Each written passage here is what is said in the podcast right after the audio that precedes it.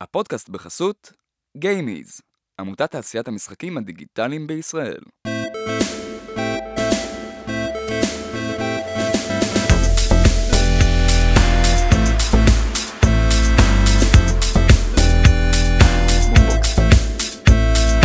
ברוכים הבאים למדברים משחקים, הפודקאסט שבו אני, אלעד טבקוב, ואני משה גלבוע, מדברים על כל מה שפיתוח משחקים עם האנשים הכי מעניינים בתעשייה. והיום איתנו אה, אופיר כץ, היי אופיר. אהלן.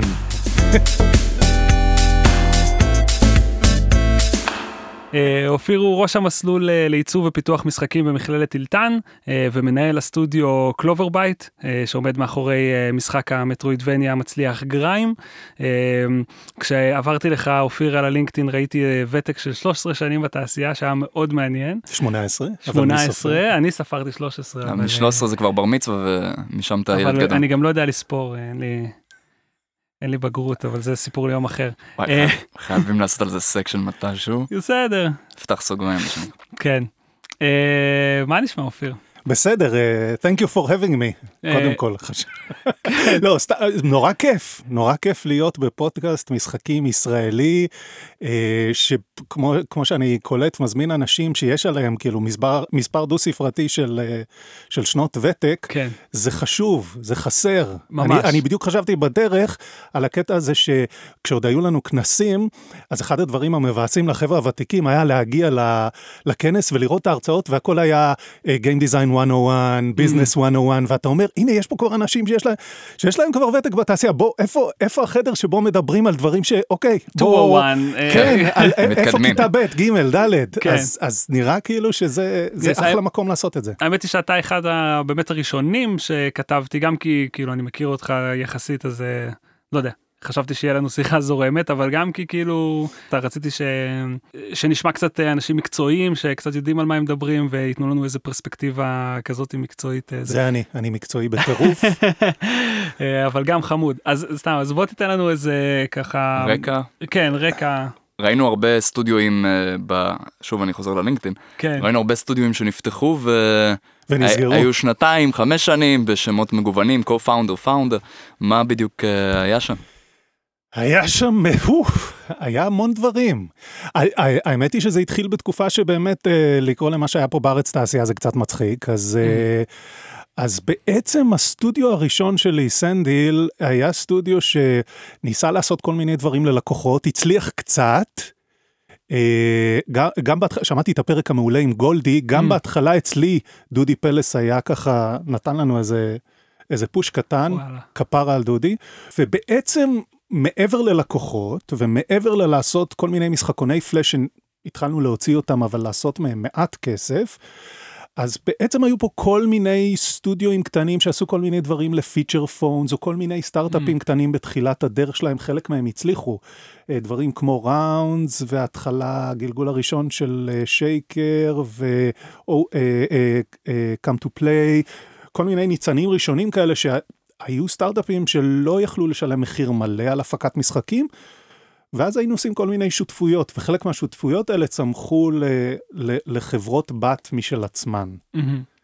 או שהיינו משיגים איזה מימון מאיפשהו, ופותחים איזה, איזה, איזה סטארט-אפון עם איזה, עם איזה שותף. זאת אומרת, זה היה נורא... אופורטוניסטי okay. אוקיי. בתקופה ההיא. זה היה גם כזה סוג של נותני שירות כאילו. אז עשינו הכל, עשינו work for hire ועשינו שת"פים ועשינו IP משלנו. IP, הבעיה עם IP משלנו זה שאתם יודעים, זה היה פלאש והיית מקבל, או שעד לא מזמן קיבלתי ככה צ'קים של 100 דולר בחודש מקונגרגייטוד, מה, מהפרסומות, והיינו מוכרים licenseים ב-FGL. מה, איזה משחק, אפשר ללכת... אז זהו, זה Flashים, כן. לא, לא, לא קורה. אפילו המשחק שלנו שהכי הצליח, Ring Pass Not קראו לו, mm-hmm. אה, עכשיו אנשים אמרו לי שהם לא יכולים לשחק איתו למרות שהם מורידים את ה add-on mm-hmm. של, של הפלאש כן. ב Kongregate, כנראה בגלל גרסה. כן, זה, כן. הוא מסרב למות ו... ואני אוהב את זה, אני כמעט תמיד יש אוהב. קצת gameplay ביוטיוב שאפשר ללכת ככה לחטוף לראות. נכון, נכון. כן. אוקיי, ומה, איך... נכנסת, ל... הגעת לטילטן, או אם לפני זה היה איזה אבן דרך משמעותית. ש... או, היו הרבה דברים והרבה אבני כן. דרך משמעותיות. אני חושב שנגעתי בהרבה מקומות כאילו על ה, על ה, בסגמנטים השונים של התעשייה הזאת, בארץ לפחות מה שאפשר היה, אה, על נקודות שונות על הספקטרום של, ה, אה, של המוסרי, של אוקיי. כאילו... עושה הד קוו... כן, אה, כן. כן. גרשיים באוויר, ארנבונים. אה, זאת אומרת, מתעשיות אה, של סיריוס גיימס, משחקים שרצו לשפר את העולם, להתעסק בחינוך, הרקע שלי הוא בכלל מחינוך. וואלה, באמת? עבדתי עם כל מיני אוכלוסיות מיוחדות, עם Mm. נוער בסיכון, משם התחלתי. ואת המשחקים שהשתמשתי בהם שם בחינוך, העברתי לעולמות הדיגיטליים. זה אה. היה הסטודיו הראשון שלי, אוקיי? לעשות את זה. ואחרי זה, לאורך ה-18 שנה שאני בתעשייה, יצא לי לס... ל... להיות שותף בהרבה פרויקטים שעשו סיריוס גיימס, במיוחד בתחומים של חינוך וטיפול. בקצה השני של הספקטרום גם הייתה תקופה שעבדתי בהימורים, אוקיי? אה, וכל מיני דברים באמצע, בעיקר הרבה דברים שעושים בארץ, casual, social, עכשיו הרבה אינדי. תחת אה. איזה title בדרך כלל אצ- היית? תמיד עשיתי שלושה דברים. Mm. ניהלתי את הסטודיו, כי מהרגע הראשון, לפני 18 שנה, לא היה לי איפה לעבוד, אז כל מה שהיה לי לעשות זה להרים סטודיו של עצמי ולנהל את האנשים. Game design. כן. והפקה של רוב הפרויקטים. אז נגיד בסנדיל עשינו מאות, פרו- מספר באמת עצום של משחקונים קטנים. אה, אני מתנצל אם זה נשמע כמו חזרה קצת על הפרק של גולדי, אבל... אה, לא? זה אה, refresh הכל. אבל אה, כן, זה מדהים מאז איפה פלאש היה, כאילו, אה, בכל מקום רצו פלאש. כן. זאת אומרת, כשהיה לנו איזה סטארט-אפ שעשה אה, שטיח, אה, שהיה אמור לעזור לחבר'ה עם אה, אה, מוגבלויות, אה, אה, עם מגבלות תנועתיות, אז הם השתמשו בפלאש בתור ה client, אוקיי?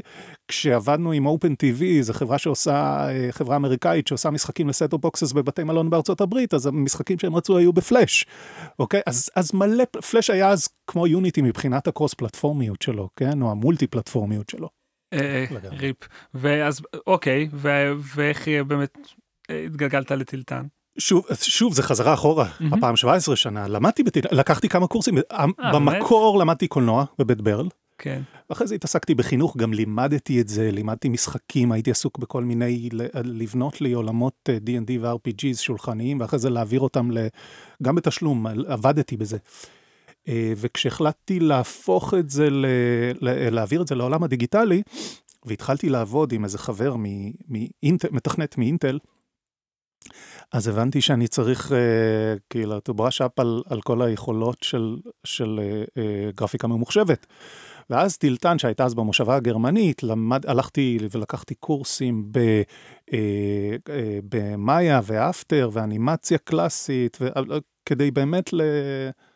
אז, אז מאז כבר הכרתי את טילטן והכרתי את ארז ומיכל, אה, שבעצם טילטן היא שלהם והם אלה שמובילים אותה. כן. אה, אחרי זה גם היה הרבה קשר בגלל שהייתי מגיע לגולדי היה מזמין אותי לביקורות, אה, ל- ב- בסוף קורסים, אה, ל- להסתכל אה, לפדבק, הגשות, כן, כן. לפדבק הגשות.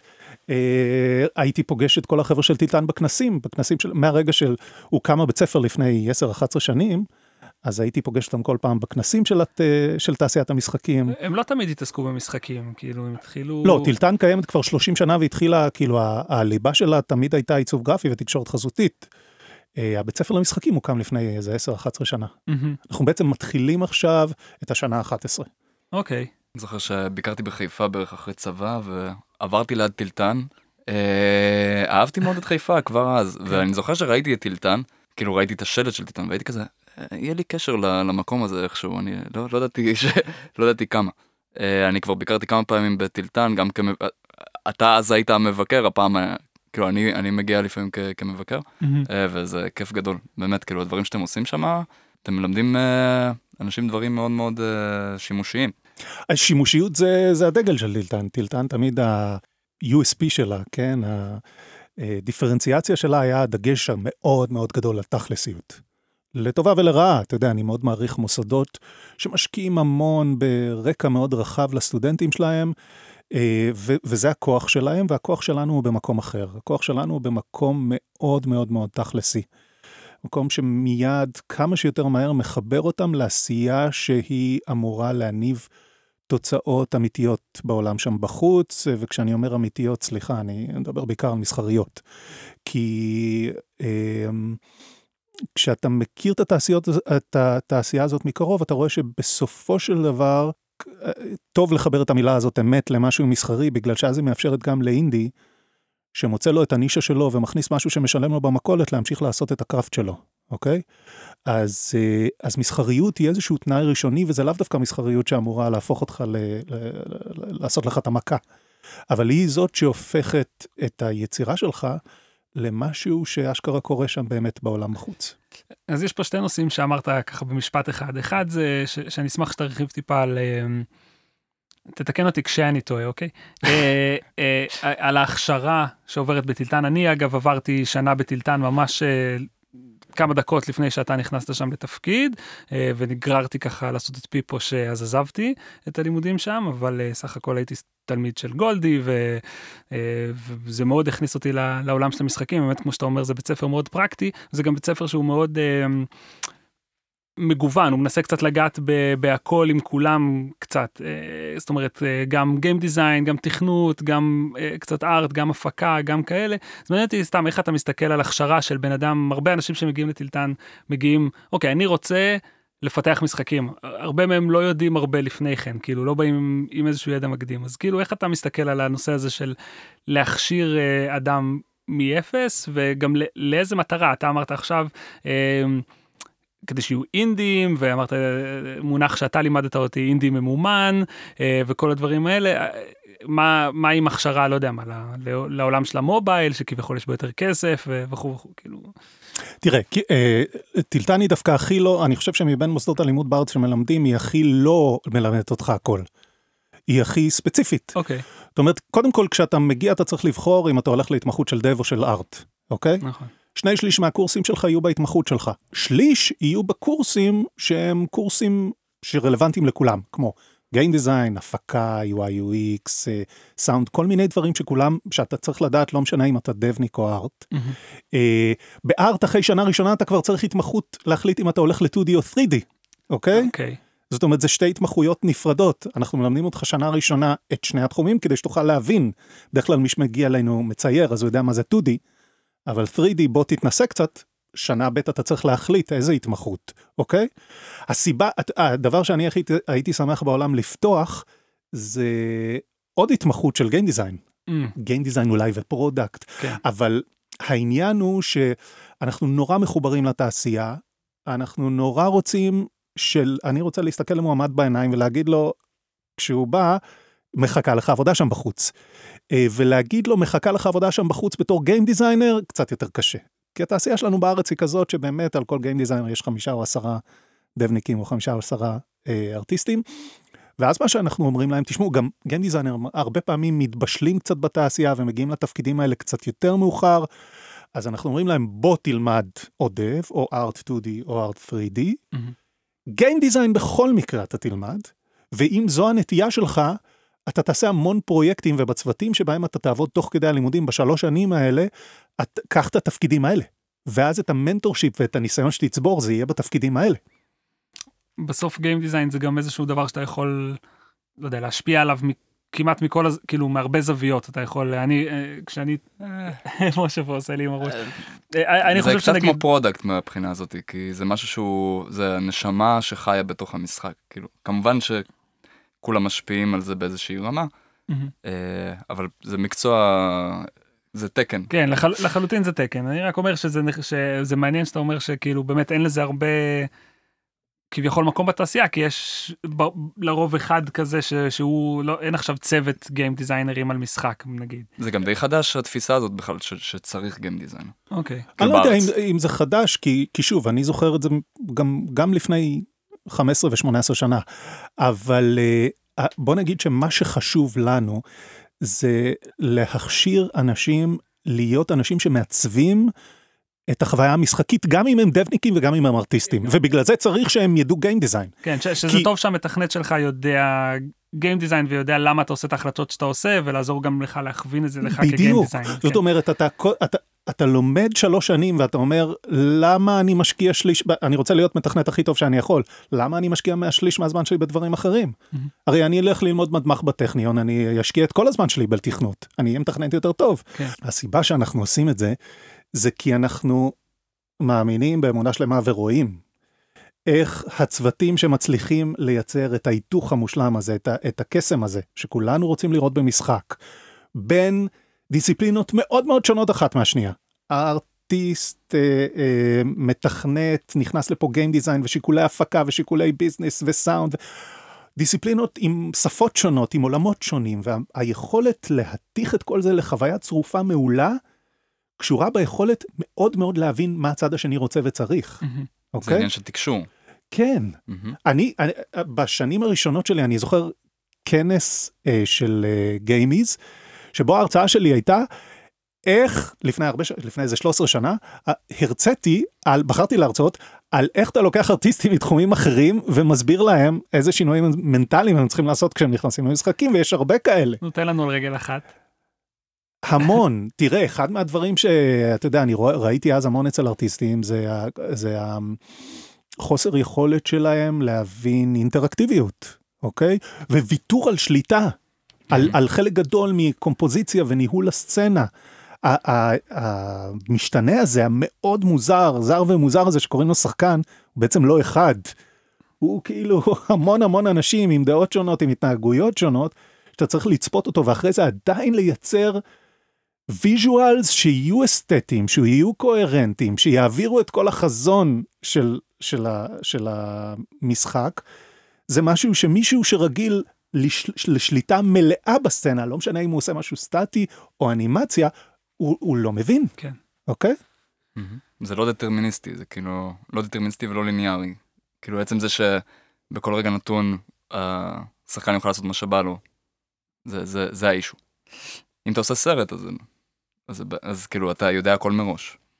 אני, אני קצת קופץ פה טיפה לדבר הבא שזה באמת Cloverbite כאילו Cloverbite זה כאילו איזשהו שם מתוחכם כזה clover תלתן bite נותן ביס. כן יש לו גם לוגו כזה של עלה תלתן נותן כן נושך כזה נושך. מגניב.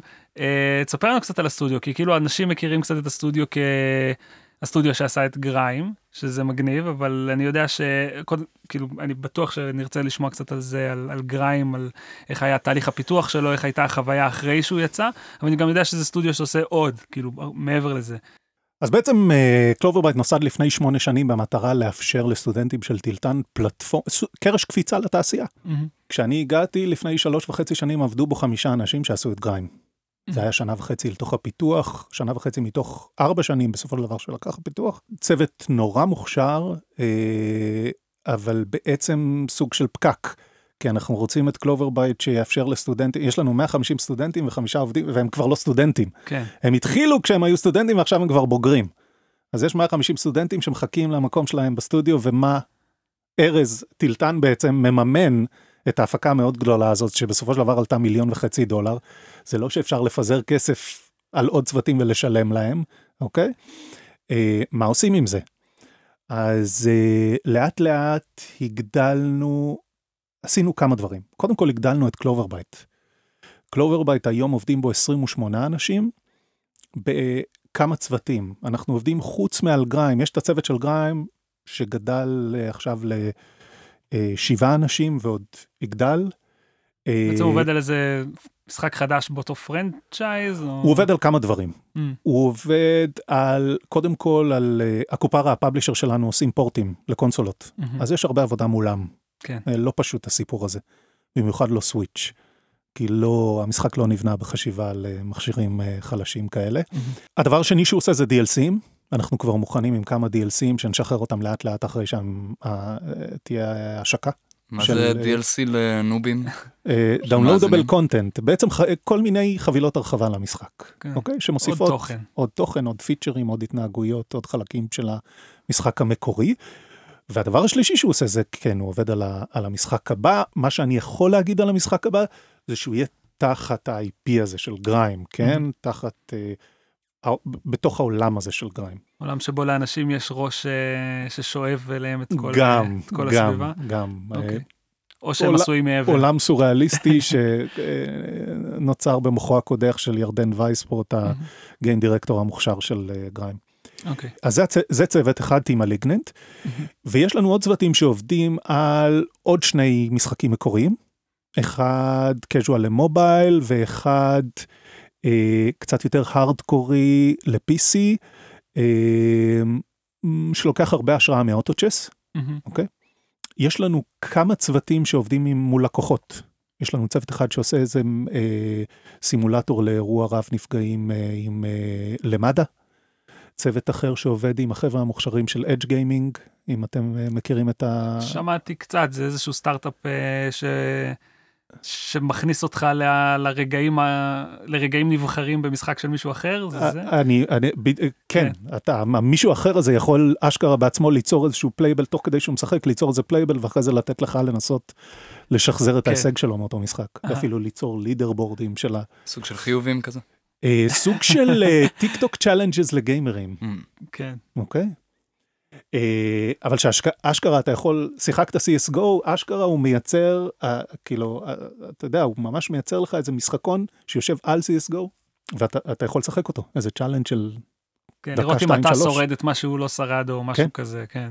מעבר לזה, טוב, יש לנו עוד כמה דברים שמתבשלים. אנחנו, גם Clover Bite לוקח תחת החסות שלו, יש עוד תוכניות אקסטרה קריקולריות בטילטן, שבה סטודנטים יכולים להקדיש מהזמן שלהם כדי לעבוד על פרויקטים עם היתכנות מסחרית, ולקבל המון המון mentorship. אז הם מקבלים mentorship גם מהצוות, אה, גם מהצוותים של, אה, של, אה, של Clover Bite, וגם ממנטורים חיצוניים מהתעשייה. זה מה שנקרא החממה. אז האקסלרטור זה אחד. מהם. יש עוד תוכנית שקוראים לה תפיק, ובשנה הבאה מתחילה עוד תוכנית.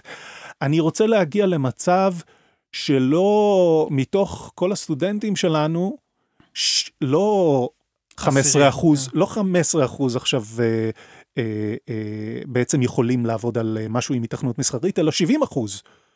אה, ואני מניח שאלה שיוכלו, תמיד יש סטודנטים שהם עובדים וזה, וכל מה שהם יכולים לעשות כרגע זה להשקיע בקורסים. כן. אבל כל סטודנט שרוצה באמת לעוף קדימה, כי, כי זה הכוח האמיתי של, של, של מה שאנחנו מציעים, של מה שטילטן מציעה, אז, אז יוכל לקחת על עצמו עוד, לעבוד על פרויקטים מסחריים, לקבל mentorship, לעבוד תוך, הלימודי, תוך כדי הלימודים שלו מול אה, חברות, publishers אחרים, investors, אה, אנשים מהתעשייה, לצבור את הניסיון, את הקשרים, אולי אפילו לצאת, אה, יש את המלכוד 22 הזה, שאתה יוצא מהלימודים, ואז אתה מחפש עבודה וכולם רוצים ניסיון, איך יהיה לך ניסיון אם כן. לא נותנים לך לעבוד. מהמם. אנחנו רוצים שהם יצאו, החבר'ה האלה יוכלו לצאת מטילטן לא רק עם סעיפי לימודים, אלא גם עם סעיפי עבודה. כמה שאלות לגבי זה. אה, אחד, קודם כל זה סגור רק לסטודנטים של טילטן. זו שאלה מעניינת שאנחנו מתמודדים איתה עכשיו, כי Clover Bite כעיקרון כן. הוא נועד בעצם לתת, תשמע, אנחנו לא משלמים להם המון. בזמן שהם סטודנטים אנחנו מקבלים שכר סטודנט. שנה, שנתיים ראשונות הם קצת מקבלים יותר, אבל זה לא משכורות של תעשייה. אנחנו לא עושים פה את מכונות הכסף שמונקטי ופלייטיקה עושות. אנחנו לא יכולים להתחרות במשכורות האלה. אבל אז מגיע צוות כמו מליגננט, עושה משחק כמו גריים, ופתאום מוכיח שמסחרית הוא מאוד מעניין. והיו לנו שיחות איתם, כי הם חשבו אולי זה הזמן שלהם לצאת אה, מתוך החממה שלהם, מתוך הבית, ולהקים להם סטודיו עצמאי. ובסוף הם, הם מאוד רצו להישאר בבית, אבל הם גם לא רצו לעבוד, הם רצו לקבל משכורת. משכורות של זה. בסופו של דבר הם נשארו, מקבלים היום משכורות שהן משכורות תעשייה לגמרי. אה, שוב, בגלל שהם הוכיחו את עצמם כלכלית, הוגדר להם תקציב לפרויקט הבא שלהם, ובמסגרת התקציב הזה, בעוד שבועיים הולך להיכנס ל Clover Bite העובד הראשון, שהוא לא סטודנט או בוגר טילטן. Mm. בעצם מה שאנחנו אומרים, זה שכל צוות אחר, חוץ מטימה לגננט, ברגע שהוא הוכיח את עצמו מסחרית, הוא קונה לעצמו גם את הזכות ל- ל- ל- להיות מתוגמל בהתאם למה שהוא כבר מביא פנימה, אוקיי? וגם לעשות את השיקולים שלו באיך שהוא מנהל את התקציב שלו, כולל להביא אנשים מבחוץ. מהמם. אוקיי, אה, אז השתי שאלות שנותרו לי זה אחת, אה, באמת כל אחד מסוגל לג'נגל ככה בין הלימודים לבין העבודה? אתם נותנים עבודה במשרה חלקית שם, או איך זה בדיוק עובד? תשמע, אני, אני גם אחזור לסיפור של, אה, לפרק של גולדי. גולדי סיפר על היום הפתוח של, עם דיאנה סילברמן קלר, זיכרונה לברכה, ו, ו, והיו שם רנן, רנר. קלוזמן, ועדי אשכנזי ואוהד אה, ברזילי, אני זוכר אותם, הייתי גם ביום פתוח הזה, למרות שכבר היה סטודיו, באתי לראות על מה הם מדברים. אה, ואז מישהו שאל את עדי אשכנזי, שהיה אז בעצם אחראי על תחום התכנות, שאל אותו בדיוק מה שגולדי סיפר עליו, זאת אומרת, מה, מה יהיה, אני, אני אוכל לצאת מפה מתכנת? ועדי אמר, לא, אבל אני אגיד לך את האמת, אף מתכנת טוב שאני מכיר, ושעבדתי איתו, לא יצא מתכנת טוב בגלל מה שהוא למד באוניברסיטה. כן. וזה נכון גם לגבי ארטיסטים. אף אחד מהם לא, או, או אתה יודע מה, לא טוב, מעולה. אף אחד מהאנשים החזקים באמת בתחומים האלה, לא שם, לא, הוא לא כזה בגלל מוסד הלימודים שלו. זה אנשים שהם כאלה, בגלל שאם הם ארטיסטים, זה אנשים שכל הזמן תראה, אתה תראה אותם עם הסקצ'בוק שלהם, כל הזמן בדודלים, לא משנה, הם מדברים איתך, הראש שלהם במחברת. מתכנתים זה אנשים שמשקיעים אחרי זה הרבה מעבר לקורסים שלהם, בלשבת לשבור את הראש בקיר מול קוד. אוקיי? לקחת על עצמם המון. ואלה גם האנשים הכי חזקים אצלנו. זה אנשים שפשוט לוקחים על עצמם המון, ישנים ממש מהר, אוקיי? לומדים לישון מהר, ופשוט קוראים את עצמם ומתאבדים על הפרויקטים שלהם. אנשים שחיים ונושמים את זה בעצם. כן. אה, אז, אז אני אומר, כן, אתה יכול לבוא אלינו, לעשות את השלוש שנים, ללמוד את השלושים ושישה קורסים שלך, וללכת ולהיות אה, לגיטימי מאוד בסוג הידע שאתה מציע לתעשייה. אתה יכול גם להיות אה, טיל בליסטי, וזה מה שאני ממליץ לך לעשות, אה, ופשוט להתאבד על זה. אה, אני רק אה, אציין פה איזה הערת אה, בריאות קטנה, שינה זה חשוב. אה, אני במשך כל הלימודים בבצלאל, היה לי רק שתי לילות לבנים, ווואלה עברתי, אז אה, תשנו, זה, אחרת זה כדור שלג אה, מתגלגל. תשמעו, גם מתחילה איזשהו, ברגע שמתחיל, זה גם החבר'ה שהם באמת משתוללים ורצים נורא מהר קדימה, הם גם סוחבים אחריהם. אנשים שעד עכשיו לא השקיעו, לא ראו את הצורך, רואים לאן הם מגיעים, איזה סוג יתרון הם, וזה מושך את כל הלהקה קדימה. הם גם מגיעים מהר מאוד לתעשייה. הדרישה היא נורא גבוהה, אנחנו, יש לנו סטו, סטודיואים שיש לנו איתם תוכניות התמחות, או, או סתם נשות כוח אדם שכל הזמן מתקשרות ושואלות מה, אומרות, אני צריכה כזה, אני צריכה כזה. וכל פעם יוצא לי, השנה יצא לי כל כך הרבה פעמים לעבור על רשימת הסטודנטים ולראות מי פנוי. וכבר באמצע השנה אני עובר על רשימות, אני, אני כבר בעל פה, באמצע השנה, בשנה ג', שני שליש מהסטודנטים עובדים בתעשייה. אה. באמצע שנה ג', שנה ב', חצי מהסטודנטים. עכשיו, כשאני אומר עובדים בתעשייה, אני מדבר על חבר'ה שהם לאו דווקא בחברות אחרות, יכול להיות שהם ב Clover Bite, יכול להיות שהם באקסלרטור, אבל הם לא פנויים, והם מתעסקים בפרויקטים שהם פרויקטים משחקיים ומקבלים עליהם כסף, אוקיי? אז אני לא יכול להציע אותם לאותן נשות כוח אדם אה, נחמדות. אז לשאלתך משה אני חושב שכאילו באמת אה, סתם בהסתכלות של טילטן מה שאני מבין זה שבאמת לא יודע העשייה והפיתוח של משחקים זה ממש חלק מהתהליך שחייבים לעבור כאילו כבר מ- משנה ב'. כאילו, לא, לא רק פיתוח של משחקים, כי גם החבר'ה של הקורסים מפתחים משחקים, אתה יודע, כן. כמעט כל הקורסים הם פרויקט בייסט, אז אתה כן. עושה משחקים. אה אתה אומר אבל יש כן. הבדל עצום בין לעשות משחק בקורס, בין הסטריליות הזאת של האקדמיה, לבין להיכנס למטבח ולהרגיש את האש, אוקיי?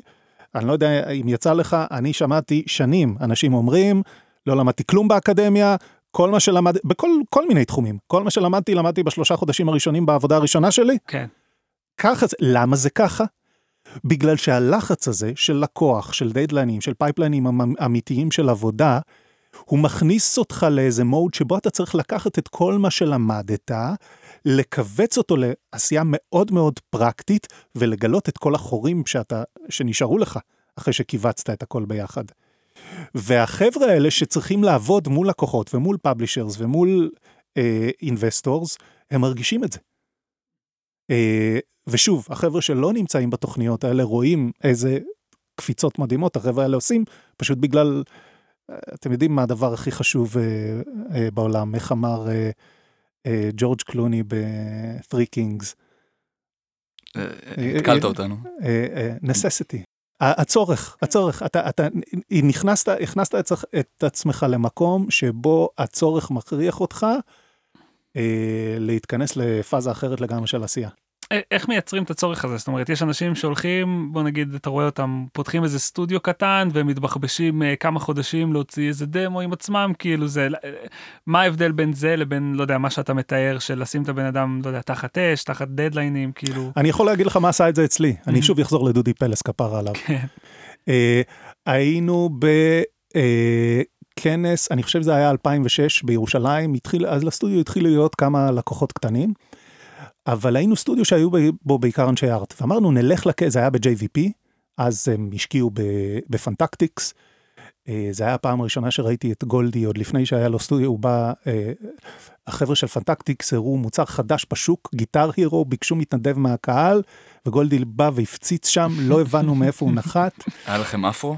אה, לגולדי היה לדעתי. אפרו ונזם.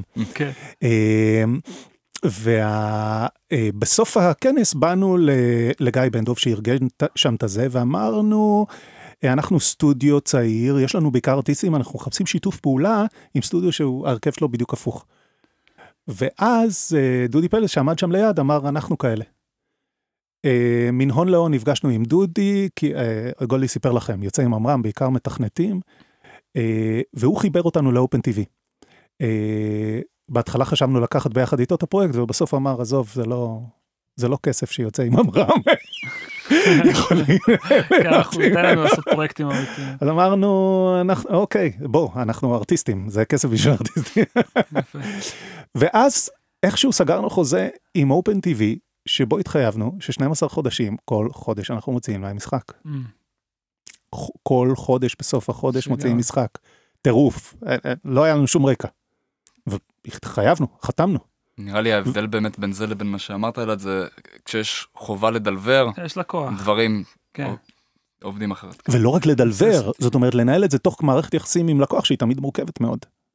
ולדחוף צוות שגם לא מקבל הרבה כסף כדי ש... ובדרך כלל גם עושה דברים אחרים תוך כדי, כדי שגם יצליח להתכנס. צוות לא מקצועי, אז גם, שוב, עבודה על משחקים היא יכולה להיות עבודה מאוד מאוד מורכבת, ואז גם ברמת מערכות היחסים צריך כל הזמן לנהל אותם בזהירות. זה חתיכת טבילת אש, וזה היה כל כך מוצלח ששנה אחרי זה, לא רק שקיבלנו עוד חוזה ל-12 משחקים, אלא גם יכולנו להעלות משמעותית את המחיר. מגניב. עברו כמה רגעים, אבל הייתה לך עוד שאלה? תהיתי לגבי הזכויות על המשחקים שיוצאים תחת החממה הזאת. אם הם נשארים של טילטן, למשל אמרת החבר'ה של Grime באמת הצליחו להוכיח את עצמם עם מוצר טוב, אם הם רוצים עכשיו נגיד לצאת החוצה, האם הם שומרים לעצמם את, ה, את Clover Bite כמובן, הם לא יכולים לשמור את ה title. איך, איך כאילו צומחים מזה? Bite, Clover Bite הוא יחידה מסחרית בתוך mm. אה, טילטן, אה, שאנחנו מקווים שבקרוב תהפוך גם לחברה. ה-IP הוא של Clover Bite. אם הצוות הזה היה יוצא, אז הוא היה יכול בעצם, מה שדיברנו איתם זה על שתי אופציות. או שהם באמת מתחילים לעבוד על IP חדש, או שהם בעצם זה, עושים licensing ל-IP שהוא של Clover Bite. Mm. כן, ברור. Clover Bite הוא, הוא, הוא אמור להוכיח את עצמו מסחרית, הוא לא נותן במתנה IP. אוקיי, mm-hmm. okay. Clover Bite הוא, אתה תקרא לו, היית קורא לו סטודיו אינדי? כן. אוקיי. Okay. כן. אה, בטח, אני אגיד למה. Mm-hmm. כי א', אנחנו מאוד רוצים ל... טוב, אני, אני אתחיל בעצם מכיוון אחר לגמרי. אני רוצה לדבר, יש לי רנט הרי, אמרתי לכם אני רוצה לבוא כי יש לי רנט. כן, כן, אופיר, מצאנו אותו מחוץ לדלת אה, דופק חזק חזק על ה... זה הסיבה שהוא פה בכלל.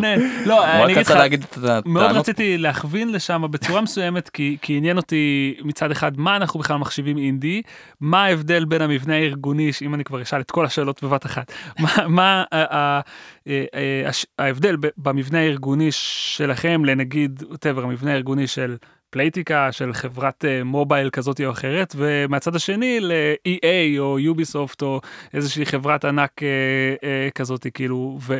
או אגב מצד שלישי לחברה כמו In Sound Mind נגיד החבר'ה שעשו את זה שהם עבדו לבד לגמרי ולא היו ממומנים על ידי איזשהו גוף, We create stuff, כן לגמרי.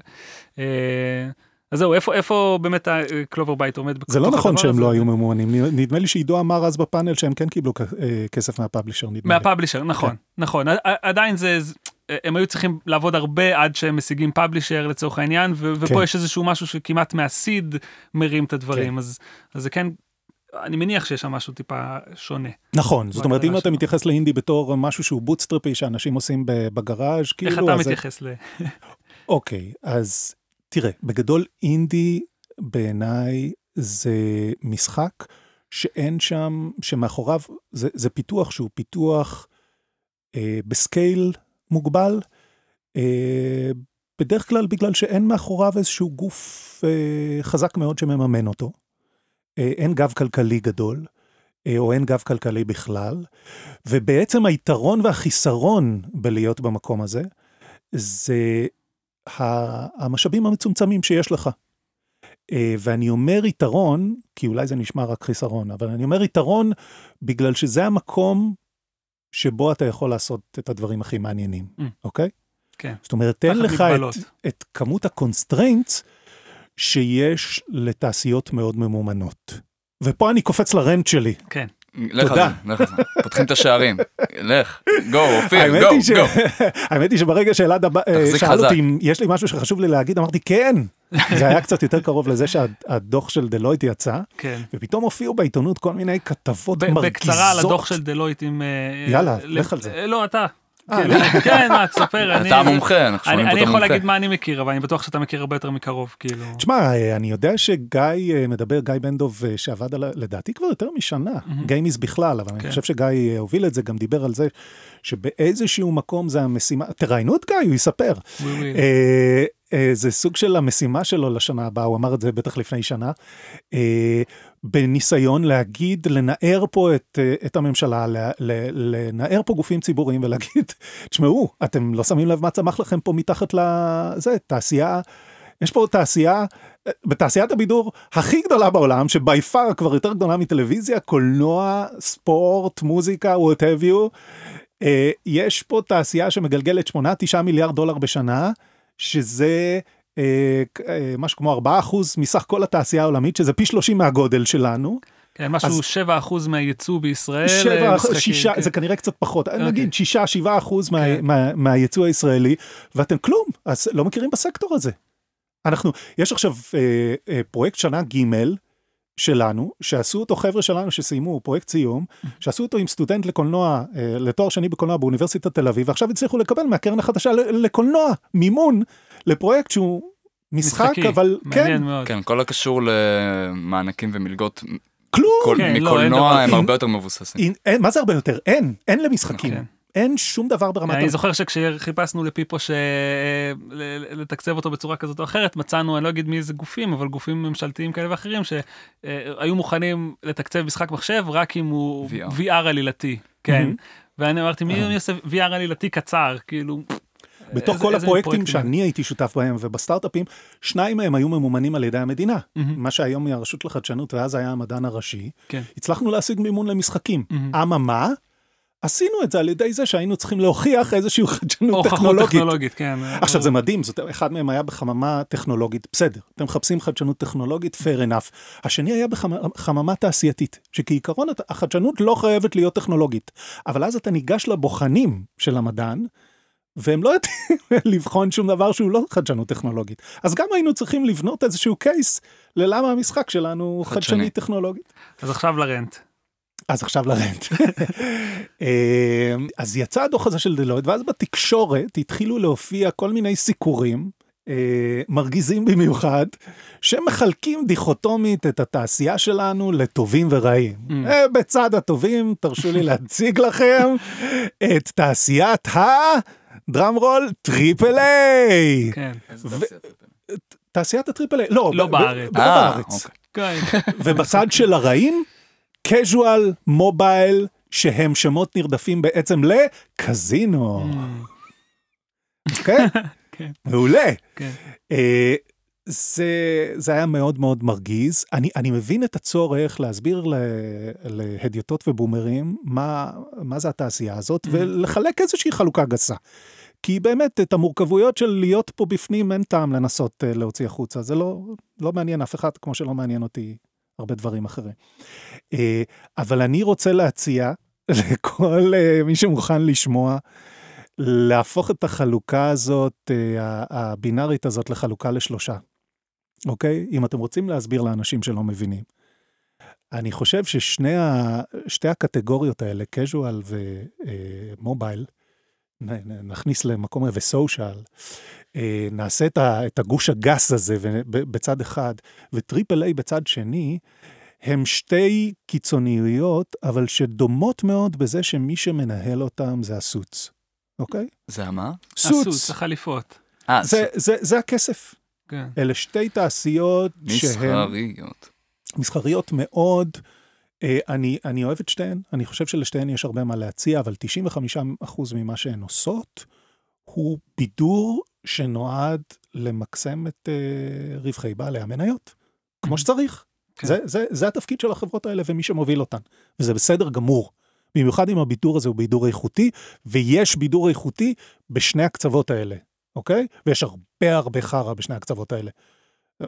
מדהים אותי לראות בכל הכתבות האלה אה, את, ה, את ההלל שמקבלת תעשייה כל כך רקובה כמו תעשיית ה triple A.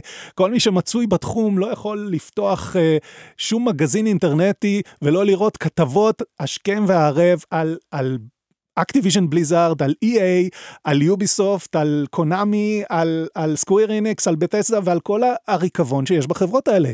חברות שהולכות ומפסידות כסף, חברות שיש בהן תרבות ארגונית מזעזעת, שהן catered בצורה מסחרית, כן? במשך עשרות שנים לאיזשהו קהל של זכרים לבנים צעירים אה, עם, אה, עם, עם, בוא נגיד, עם יכולות מוגבלות בתחום החברתי, אוקיי? ומכרה להם פנטזיות של כוח תוך כדי שהיא היא, היא מחפיצה נשים, אוקיי? וגם מעבידה את העובדים שלהם בתנאים אה, ומעבידה את נוראים. העובדים, אבל ו- עזוב, כן. אתה- אז תגיד, יופי, הבאת את העובדים שלך, אבל הוצאת לי מוצר מאוד איכותי. לא, כן, לא. כן. השיקולים לא האלה. השיקולים המסחריים הוביל- אה, כאילו הובילו לסדרות אחרי סדרות, שמה שהן עושות, זה עסוקות רק to perpetuate את ה- את הפנטזיות Mm. כוח האלה בצורה יותר, במידה שגם אני, כששיחקתי משחקים, שאהבתי, משחקים שכן כן קנו אותי באיזשהו שלב, זה התחיל להיות לי מאוד מאוד קשה. כן. אני, אני, אני באיזשהו שלב בתור מישהו שהוא כבר לא בן 15 ולא בן 15 כבר נפשית וכן נהנה מ-MMO כמו World of Warcraft, לא מבין למה אני צריך לשחק דמות שהיא סוג של, של, של Christmas tree כזה מהבהב בכל מיני צבעים. כן. זה היה לי מאוד מאוד קשה, אוקיי? אז, אז להגיד שהתעשייה הזאת, זה האורים ותומים שלנו, שם קורים הדברים המפוארים, נו ברצינות. אני מציע את החלוקה הזאת, בבקשה בבקשה לדבר על שני הקצוות האלה בתור קצוות מסחריים, בידור ראוי, יש לו קהל, יש אנשים שעושים אותו, חלק מהם חברים טובים שלי והם עושים עבודה נהדרת. אה, ויש באמצע גוש נוסף שלצורך ההפשטה נקרא לו גוש האינדי והדאבל איי, אוקיי? כן. בואו נאגד אותם ביחד. שאני חושב שאחד הדברים שמייחדים אותו זה constraints פחות גסים, פחות כובלים, מצד, אה, מצד ה suits, מצד ה- ה- קפיטליזם. ה- כן, ה- הצורך הכלכלי, שורת הרווח. וזה לא שהאנשים האלה לא צריכים להרוויח, אבל ה constraints הנמוכים האלה מאפשרים לסגמנט הזה בתעשייה לייצר דברים שהם באמת מעניינים, אוקיי? שיש בהם הרבה פעמים הרבה יותר נשמה. כן. אני חושב שכאילו בתקשורת שאתה מציין, הם מקשרים את האינדי והדאבל איי לטריפל איי, כאילו זה ההסתכלות. אני חושב שיש שם כמה, אה, שיש שם כמה אה, אה, סוגים של בעלי אינטרסים, או אנשים שחושבים כל מיני דברים. מי שחושב על... אני, אני שומע, גם אנחנו דיברנו, GameIS, כן? והטרולים של GameIS. אז אתה שומע שם אנשים שהם כאילו מדברים על, אה, על אה, double A ואינדי, אבל בעצם מה שהם מחפשים ב double A ואינדי זה את אותם אה, פנטזיות אה, כוח אה, זכריות אה, אלימות. אה, שהם סוג של, אה, כן, שהם סוג של der, der, derivative של, של, של תעשיית ה triple A. זה מעניין איפה איפה אתה שם את אה, באמת את, לצורך העניין את אה, אני רוצה להגיד את Clover Bite אבל בכללי את התעשייה הישראלית שהיא לא מובייל כאילו איפה אה, איפה היא נמצאת האם היא מכוונת לכיוון ה triple A מישהו אוקיי. שם רוצה אני לעשות חושב, את זה? אני חושב שקודם כל כן, Mhm. כל הזמן יש אנשים שרוצים לעשות את זה, אני נגד. אוקיי. אני נגד כי אני, אה, אה, למרות שאתה יודע, זה יהיה מגניב, זה, זה, זה יהיה מגוון, זה יהיה, אני נגד אה, ל, ל, ל, להתלהב מהסיפור הזה, מהמם. מ- לשאוף לטריפל איי, בגלל שאני חושב שאנחנו, יש לנו בארץ תעשייה נהדרת, גם תעשיית ה-casual mobile social, זו כן. תעשייה מדהימה. תעשייה שמאפשרת לנו בתור אינדיז קרקע פוריה לייצר פה המון דברים. זו תעשייה שבלעדיה לא היינו יכולים לתת מרצים שיש להם ניסיון. לא היינו יכולים, יש לנו קשר, אנחנו עובדים עם כל מיני חברות בתעשייה שיש להם המון אינטרס לקדם גם את האקדמיה, וגם מעניין אותם להיות מעורבים בפרויקטים שהם יותר אינדי. אה, לא היינו מקבלים את סוג הפעילות שיש פה אה, אה, היום ברמת אה, גיימיז. גיימיז נמצאת... אה, יש איזה, זה- צריך אה, לדבר ארוכות רק על גיימיז, אבל נמצאת היום במקום שהיא באמת יכולה ליהנות מדברים שצמחו פה רק בזכות התעשייה הזאת שהתחילה ב-2010, אוקיי? ב-2010 התחילו הגדולות, כן? אמ, התשומת הלב שאני מקווה שבעקבות המאמצים של גיימיז וגיא בן דוב אה, וכל החבר'ה שם שעוזרים, אה, למשוך את תשומת הלב של הממשלה ולהביא לנו את סוג התמיכה שתעזור גם לאינדיז לזוז קדימה. בדוח שם הם, הם אה, מפרקים תעשיות, את התעשייה הקנדית, הגרמנית, הפולנית, ומראים איך אה, government funds עוזרות גם להרבה פרויקטים של אינדי לקרות, מעבר לאינסנטיבס לחברות גדולות, אוקיי? אה, אני חושב שכל אלה קור, קורים הרבה הרבה בזכות זה שאנחנו יכולים היום לדבר על זה שיש לנו תעשייה. ועל הגזע המאוד סוליד הזה של חברות casual mobile וסושיאל, מתחילים לצמוח פה ענפים אחרים, כמו סצנת האינדי שבשנתיים האחרונות נראית כמו שום דבר של, שהיה פה לפני. אוקיי? לגמרי, בשנה האחרונה יצאו פה דברים ממש כן. ממש ממש יפים. והאינדיקציה הכי טובה בעיניי תהיה שסטודיואים של אינדי י- ישרדו למוצר שני. אוקיי? כן. אני יכול כבר להגיד לכם ש Clover Bite עושה את זה, אה, ואני מאוד מאוד רוצה לראות אה, דברים כאלה קורים. אני יודע שהם, אה, Suncrash עשו את זה, נכון. נכון? אה, Dream Engines. אה, אה. קפריציה אה. גם ממשיכים למוצר, אני אני רוצה לראות את זה עוד. We create stuff, אנחנו עדיין... כן, Happy Juice יש המשיכו אין סוף. כן. באמת. מגניב. זאת אומרת, צוותים שצברו את הידע הזה, וממשיכים לייצר מוצרים, hopefully גם בדומיין שלהם, כאילו יש איזה, בונים איזה דומיין אקספרטיז לסוג הז'אנר שלהם, לסוג המכניקות שלהם, והופכים להיות יותר ויותר טובים וגם לידועים בזכות היכולות האלה, זה יהיה מדהים.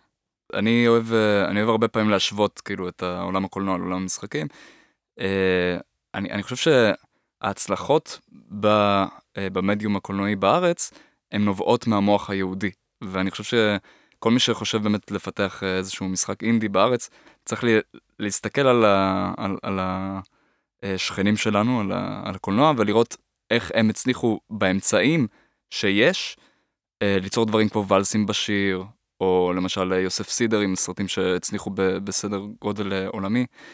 אה, פשוט להבין מה יש לכם כבר ביד, ואיך עם זה אתם פורצים דרך. הייתי בהרצאה של ארט דירקטור בוואלסים בשיר, והיה הרצאה שהוא הראה איך, אה, איך הם עבדו בפלאש על האנימציה, ופשוט נפלט לי משוק. פשוט אמרתי כזה, אין מצב, כאילו, אין מצב שככה עשיתם את זה. והוא ענה, זה מה יש ועם זה ננצח. ופשוט לקחתי את זה איתי לאורך כל הדרך, כאילו, אל תרוצו להיות EA, אל תרוצו להיות uh, כל triple A פסיכי אחר, תסתכלו על מה יש לכם ביד ותעבדו עם זה. כן, מצד אחד, ואתם יודעים, כולם אומרים, כן, הנה, אז בפולנים גדלו מ Witcher ומהטקסטים של, uh, uh, של הספרים. זה נכון, מצד שני, החבר'ה שלפחות אצלנו נמצאים, זה לא, החבר'ה שעשו את GRIME ועושים דברים אחרים אצלי בסטודיו, זה לא, אין להם את הרקע ואין להם את ההיסטוריה ואין להם את ה... Uh, הם לא גדלו במקום שבו יוסי סידר וארי פולמן גדלו, אוקיי? הם גדלו בעולמות אה, של משחקים, אה, אמריקאים, אירופאים, יפנים, וזו התרבות שלהם, זה מה שהם חיים. וכשהם מגיעים למקום ש- they're most creative, אלה, זו השפה שלהם, Mhm. זה מה שיוצא החוצה. אז אתה מסתכל בגריים, יש שם המון עברית, אני לא יודע אם יצא לך, ואני לא מדבר רק על כן, זה כן. שעשינו אותו, הרבה הוצאנו אותו דברים בסטים. יהודיים באופן כללי. ויש יש כן. אפילו ממש מילים עבריות. אוקיי? שמשתרבבות שם לתוך הטקסט. אני, אני אוהב את זה, את העדינות. אני אוהב ל- לשחק path of exile ולראות כאילו כל מיני שמות מאוריים, אוקיי? Mhm. וזה לא בגלל שזה משחק שמתאר באיזושהי צורה את ניו זילנד, אוקיי? אני, אני, אני אוהב את התרבות הזאת הקוסמופוליטית, הדיגיטלית, אה, ובסופו של דבר המוצרים הכי טובים שאתה יכול לעשות הם מוצרים שהם בנפשך, כן? הם המקומות שבהם אתה גדלת. והחבר'ה שנמצאים אצלי בס- בסטודיו זה לא גדלו באותו מקום שיוסי וארי גדלו, אוקיי? לא, ברור לי, הסממנים היהודים הישראלים זה כאילו זה, זה, זה כיף לפגוש אותם במשחקים בכללי. אה, אני דווקא שאתה דיברתי על מדבר ה... יותר על הגישה של זהו, בוא המוח נחדש היהודי ובוא נביא השורד. על זה אני מתכוון. אני רוצה בהקשר הזה לדבר דווקא על התעשייה, להשלים את הרעיון שדיברנו עליו קודם ולהגיד בסופו של דבר על ה- ה- הגזע הזה של social casual mobile, שעליו צומח, צומחים עוד ענפים ועכשיו אנחנו רואים ענף של אינדי שעושה סימנים ממש טובים.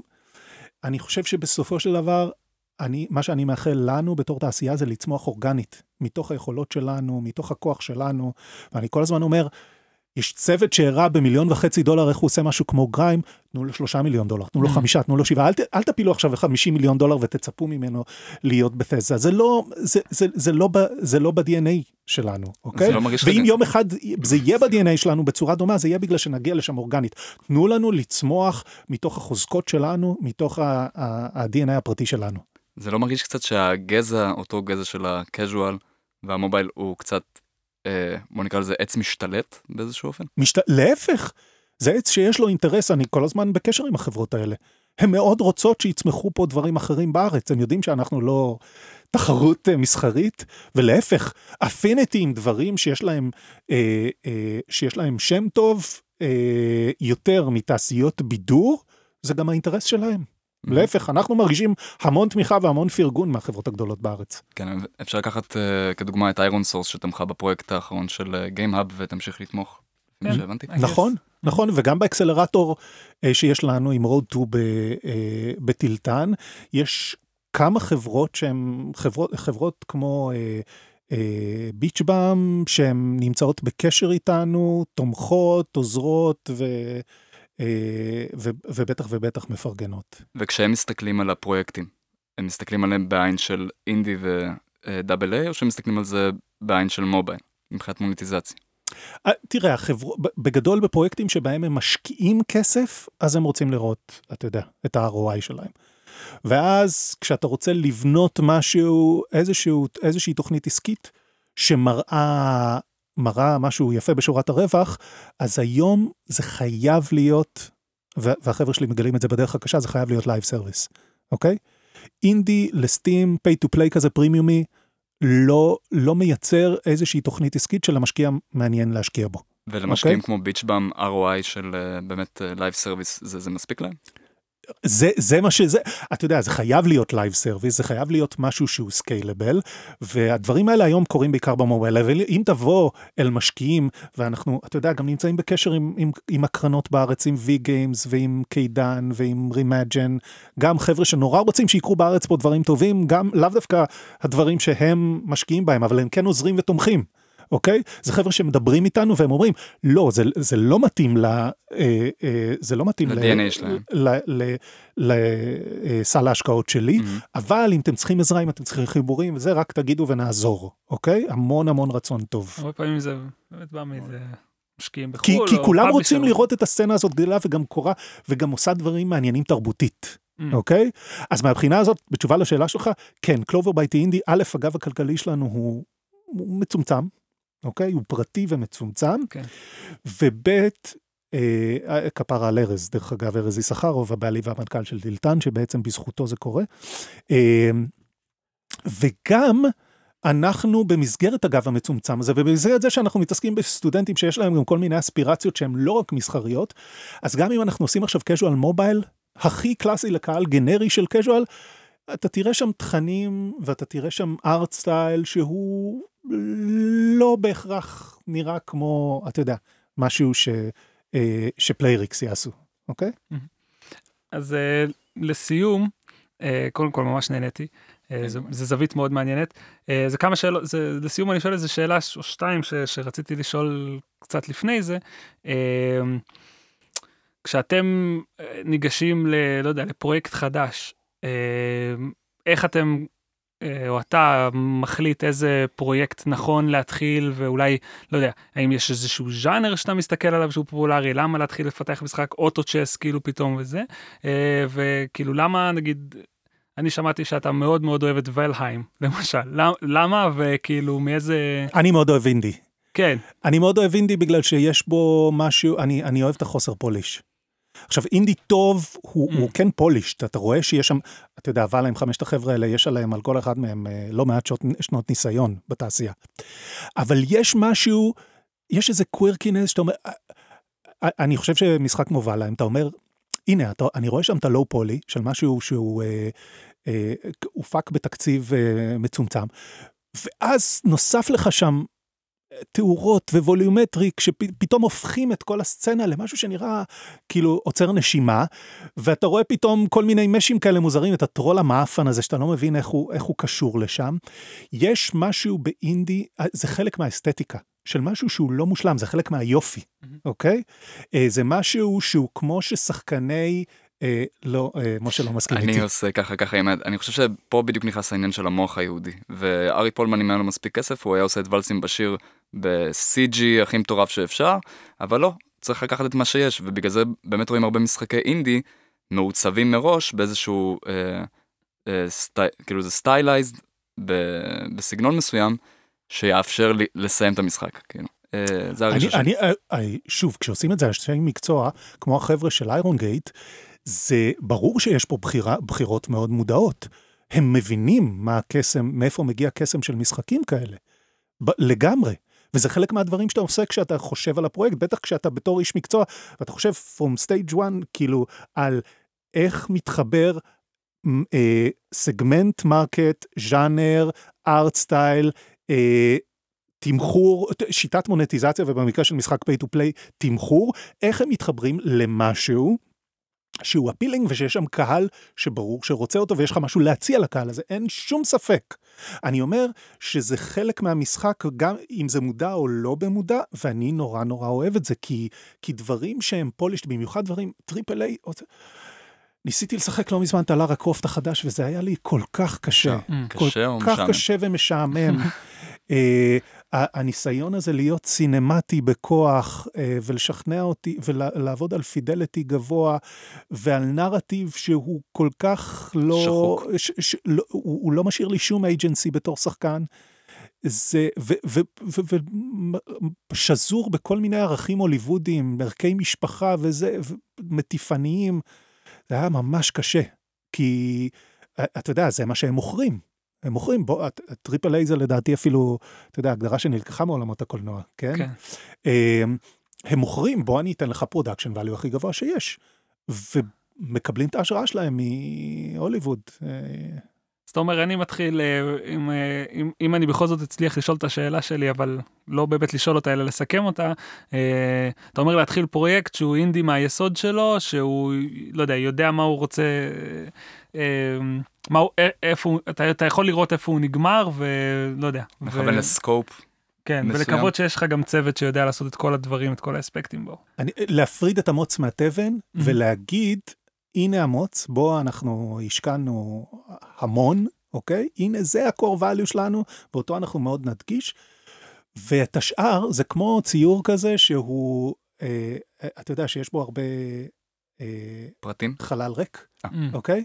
הפוך מפרטים. אה, שבו אתה אומר, הנה, אה, פה מספיק כמה broad strokes כאלה כדי להגיד לך איך, איך השובל של הבגד הזה ממשיך, וזה בסדר. כי בעצם המקום שבו בגלל התקציב המוגבל שלי, אני נהנה מהתקציב המוגבל הזה ואומר, הנה, אלה הדברים החשובים באמת, ובכל השאר אני יכול לסמן, לסמל, לאיפה אתה יכול, הדמיון שלך יכול להמשיך את זה. זה גם טיפ לסטודנטים או כל אה, סטודיו אינדי מתחיל, Keep it simple. כיס. אמ, אוקיי. לא, באמת זה הקיצור. Keep it לא, יש simple שם שני stupid. אסים. נכון. Keep it simple stupid. Keep it simple, זה הדיבור. stupid. יפה. אני אשמח לשאול את השאלה אה, אוקיי. ה- ה- את- העוצמתית, השאלה השבועית, כן. השאלה השבועית לילד. על רגל אחת, אני מניח, אם שמעת כבר את התוכנית עם גולדי אז אתה יודע מה אני עומד לשאול. אה, על רגל אחת, במשפט אחד, בוא באמת ננסה לצמצם את זה לכמה דקות ספורות. איך היית מגדיר משחק? מהו משחק? אה, לא- לסטודנטים שלי תמיד אני אומר שאנחנו לא, אה, לא מעניין, אות- אני, אני לא מלמד אותם, אה, הגדרות, הגדרות מילוניות לא מעניינות. בגלל שהם לא לומדים אצלנו לכתוב מילונים, הם לומדים לעשות משחקים טובים, זה מה שאני רוצה שהם ילמדו, אוקיי? אז מה שמעניין זה הגדרות שימושיות. עכשיו, הגדרות שימושיות למה זה משחק יש מלא. אחת הכי שימושיות זה, זה מערכת חוקים. עכשיו להגיד שזה הגדרה של משחק זה, מוצל... זה מצחיק, כי גם מה זה מערכת חוקים? אז גם משטר, כן. האמת שזה די משחק, להגיד. כן, החיים, הם משחק החיים. כן, אבל אני חושב שמערכת חוקים זה מאוד, אה, זה אחת ההגדרות הכי שימושיות, זאת אומרת להבין אה, שמה שאתה עושה זה אתה מתכנן מערכות, וה constraints של המערכות האלה, המקומות שבהם אתה מוגבל, הם המקומות, אני, אני שוב חוזר לאיזה כנס מהעבר, כנס GameIS שהם הביאו, החבר'ה, אריק צימרמן, אני חושב שהוא מעצב משחקים מאוד אה, זה, אז למי היה אפרו? אה, מה זאת אומרת, לגיא בנדוף, ברור. אה, לגמרי. אני פשוט חייב את זה לדמיון. ואז הוא דיבר על זה שגם בעברית וגם באנגלית, משחק זה גם הדבר הזה שמשחקים, וגם בהגה כשיש לך משחק, כן. נכון? כן, גיים כן, משחק כזה? משחק כן. לי. שכאילו יש פה איזה, טוב אני לא יכול, אני עושה, ת- אתה אומר להם מה אני עושה עם הידיים, כן, מגלגלי שיניים. גלגלי שיניים, גלגלי כן. שיניים עם הידיים. אז יש איזה מקום שיש פה, כי הוא אמר, זה נורא לא אינטואיטיבי, אה, משחק זה fun, ואיך מערכת חוקים יכולה להיות משהו שהוא fun. אז, אז הוא אמר, ה, ה, זה כמו game בהגה, זאת אומרת, המ- ה- המטרה שלך בתור שחקן זה למצוא את, ה, את הרווחים, את המקומות שבהם יש game, אוקיי? אז מה שמנסח את החוויה הזאת, בתור game designer, בתור איש יצירתי, אתה צריך לחשוב על, זה השלד של החוויה הזאת. אה, אני, אני מוצא את מערכת חוקים הכי שימושי, אבל יש מלא, מלא הגדרות שימושיות. בואו אוקיי. ללמוד בטילטן את זה, חברים. אה, תודה רבה לך, אופיר תודה רבה רבה. כץ. בשמחה, איזה אה, כיף. ממש אנחנו, כיף שאתם עושים את זה. כן. ממש היה לנו באת מה זה מחוייך היום. אני- צורך, אה, צורך חשוב, אקוטי, אני רוצה לשמוע עוד אנשים. גם. שירה, זוגתי, אמרה, וואו, וואו, נו, אז שיביאו עוד, אני רוצה לש... יש. שמענו ביחד את התוכנית עם גולי. אולייט. אז אה, כן, מקווה ש- many more to come. מקווה שנמשיך אה, להפתיע לטובה. תודה. תודה רבה. ותודה לכם שהקשבתם. להתראות.